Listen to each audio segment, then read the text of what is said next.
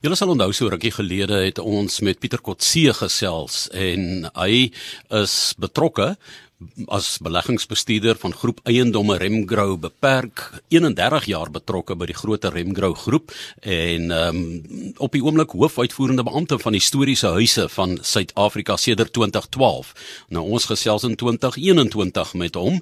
So wat is dit nou 9 jaar later, maar in hierdie tyd, ek dink die afgelope 2 jaar het Pieter voor 'n baie groot uitdaging te staan gekom want hy's vroeg in 2019 deur die Rupert Historiese Huise Stichting genader om betrokke te raak by die stigting se Woopertal restaurasieprojek nadat die verwoestende brand gedurende Desember 2018 'n groot gedeelte van die dorpie in puin gelê het. So Pieter, welkom by 360.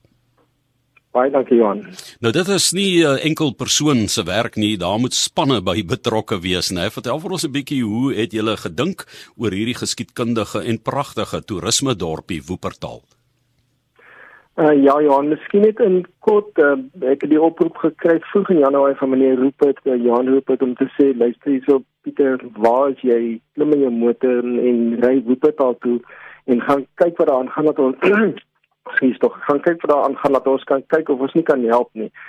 En uh, uit die aard van die saak onmiddellik op pad gewees van Stilbaai of daan toe en toe die groot taak begin wat ook al aankom te sien ek wat gebeur het daar die aand van die 30ste Desember 2018 en wat gedoen moet word en um, jy kan ook nie jou jou bestuur uh, wat wat hoe kan sê en as drop en en nie ordentlike werk doen nie en onmiddellik het ek begin om 'n uh, professionele span bymekaar te kry dat ons 'n evaluasie kan doen wat ons kan doen en sodat dan meneer dit kort daarna 2 2 3 weke daarna voorgelê om te sê wat ons op die tafel en wat ons ook al kan doen. Maar ek meen ons praat van erfenis en jy kan nie soos 'n gewone bouprojek dit aanpak nie. Jy het ander kundigheid nodig daarvoor, né? Korrek, korrek. Natuurlik eerstens wat daar was is alles afgebrand. Die bouplanne van hoe die huise destyds was is ook vernietig in die brand. So ons het niks gehad. Ons het van van van van die begin af begin met die met die hele projek. En dan natuurlik kry jy professionele span, mense wat bekend is met met ou historiese erfenisgeboue wat kan werk met klei kleistene en met kalk ensovoorts. Jy kry hulle bymekaar en jy begin aan die die die legkaarte bou van hoe jy hierdie projek moet bestuur. Dit is nog 'n uitdaging, maar gelukkig het ons ook 'n baie sterk en senior erfenis konsultant aan ons kant gehad wat wat hierdie wat hierdie tipe van beplanning ken. So meneer Graham Jacobs van Darling het ons baie gehelp ook daarmee. Die groot deel van die dorp het afgebrand van Woopertal. Jy het gefokus op 'n bepaalde gedeelte binne in die dorp om aandag aan te gee, die kerkwerf soos hulle dit noem, né? Korrek, korrek. Ja, die die kerkwerf na die besoek aan aan Wuppertal het ek vir my Wuppertal gaan sien en voorgestel ons moet kyk na die kerkwerf se restaurasie. Dit is vir julle wat Wuppertal ken, dis die bekende deel van Wuppertal waar die kerk is, waar die waar die laatpolhuis is en al die ou geboue is fisies daarso en dis vir die gemeenskap 'n krities belangrike deel uh laat laat dit in stand gehou moet word omdat dit 'n sendingstasie is en dit het natuurlik alles afgebrand die kerkwerf um, en dan natuurlik het also ook in die slag gebly deel van die van die woonhuise van die dorp 53 woonhuise ook wat um, wat in die gewone woonbuurtomgewing van van die groot Wuppertal natuurlik is. As mens nou kyk na die geskiedenis, daardie kerkarea 1834 is hierdie kerk gebou en die kennis wat dan ook vasgevang word in die 200 mense wat nog bly in hierdie sending dorpie. So, hoe baie kennis het julle nodig of het julle dan ook tot julle beskikking om die gebou weer te bou volgens hoe dit oorspronklik gebou is? Ons het wat ons was gelukkig geweest. Daar's baie kundiges nog in Wuppertal, maar natuurlik het hulle dan verlang min van hulle werk gehad. So deel van die Rupert se versoek aan my was Pieter, kyk of jy vir die plaaslike kundiges kan gebruik, laat hulle deel is van die hoofkontrakteur se se bouspan en uh, daardie werkskepping en natuurlik opknapping van hulle vaardighede. En dan natuurlik die dag as ons uh, klaar is, daar sal dit oogie in die kerk dat daar so mense met vaardighede wat kan in stand hou. So ek is baie tevrede om te sê op alle vlakke. Dit is van die grasdakke se dek, van die klipwerk wat gedoen word ensovoorts. Dit is gemiddeld omtrent ongeveer 53 plaaslike mense afgestof as ek dit so kan sê weer vaardig gemaak en hulle in die projek betrek en interessant hulle is eh, hulle hulle hulle is nie interessant nie hulle het iets hulle het iets verdien wat van hulle sê tog nooit in hulle lewe kontant in die hand gehad soos dit nie en een persoon kan ek onthou toe hy sy geld ontvang wat op knieë gewees en in trane dankie gesê vir die geleentheid wat hom toe kom. So daar is daar definitief 'n bydrae gewees uh, van die projek terug na Wuppertal se mense toe. Journalist Sari Marinel het daar gekuier op Wuppertal en sy toe vir die baie bekende professor Burden van Stellenbosch gaan vra, Matilda Burden of dit nou Wuppertal met 'n H is of net T A L en sy sê inderdaad is dit T H A L want dit is 'n Duitse woord vir vallei of dal dan nou D Korrek. D A L E Dale, maar T H A L is die spelling dan nou so belangrik daarso. So wonderlik om te sien dat die gemeenskap ook betrokke geraak het daarso.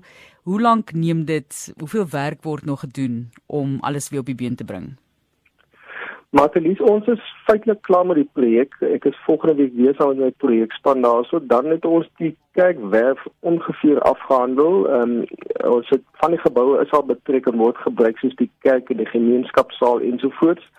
Um, daar is nog van die geboue se gebruik wat nog uitstaande is, suiwer omdat daar nog okkupasie sertifikate deur die Klein Willem munisipaliteit uitgereik moet word voor dit uh, uh, betrek kan word, as ek dit so stel. En dan uh, natuurlik uh, ons ons addisionele werk begin wat in die brand beskadig is. Het ons die hele dorp se die kerkwerf se se water toevoer uit die berg en met nuwe damme en pype en tanke ensovoorts wat alles op gravitasie werk wat nie onnodig is vir die toekoms nie.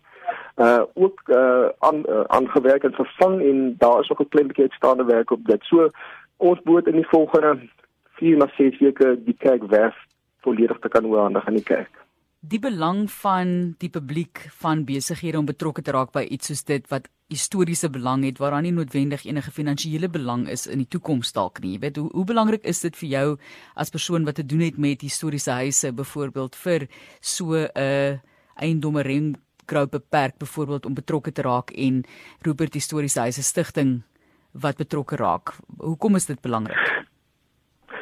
dit is absoluut vir net vir die die bewaring en vir die nageslag. Ehm um, soos ek in die vorige met Johan genoem het, uh, die die die ons kyk altyd na ons voorvaders se voetspore wat ons wil bewaar en uh, dan natuurlik ook vir die jong mense wat weet van waar hulle kom en geleenthede gee en werkskep ensovoorts. En dan en uiters belangrik vir ons is ook dat daar so uh, die die geboue moet hulle self in stand kan hou. Daar moet uh, daar moet geld gegenereer word vir toekomstige instandhouding en werkskepping. So dis ons hele fokus van die Rupert Historiese Huise Stichting ensovoorts laat ons kan as ons die dag klaar is daarso, laat daar is 'n geleentheid vir mense vir werk en vir hulle vir self kan geld genereer om die, om om boeketal in stand te hou.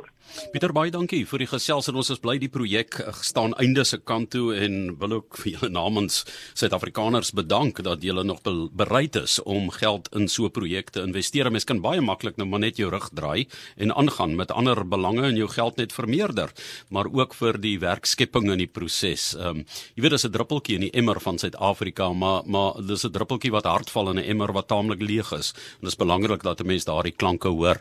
En uh, dit is dan ons gas hier in die program Pieter Kotse wat vertel het van die vordering met die Woepertal restaurasie en uh, Pieter is hoofuitvoerende beampte van historiese huise van Suid-Afrika sedert 20 12 en uh beleggingsbestuurder groep eiendomme Remgrow beperk en dan reeds 31 jaar betrokke by die maatskappy waar jy ook dan nou 'n voetspoor gelaat het. So uh dankie Pieter en sterkte vir die voltooiing en die baie spesifieke werk wat jy daar moet doen en die vakmanskap wat jy weer laat herleef. Baie dankie by Johan Matlies.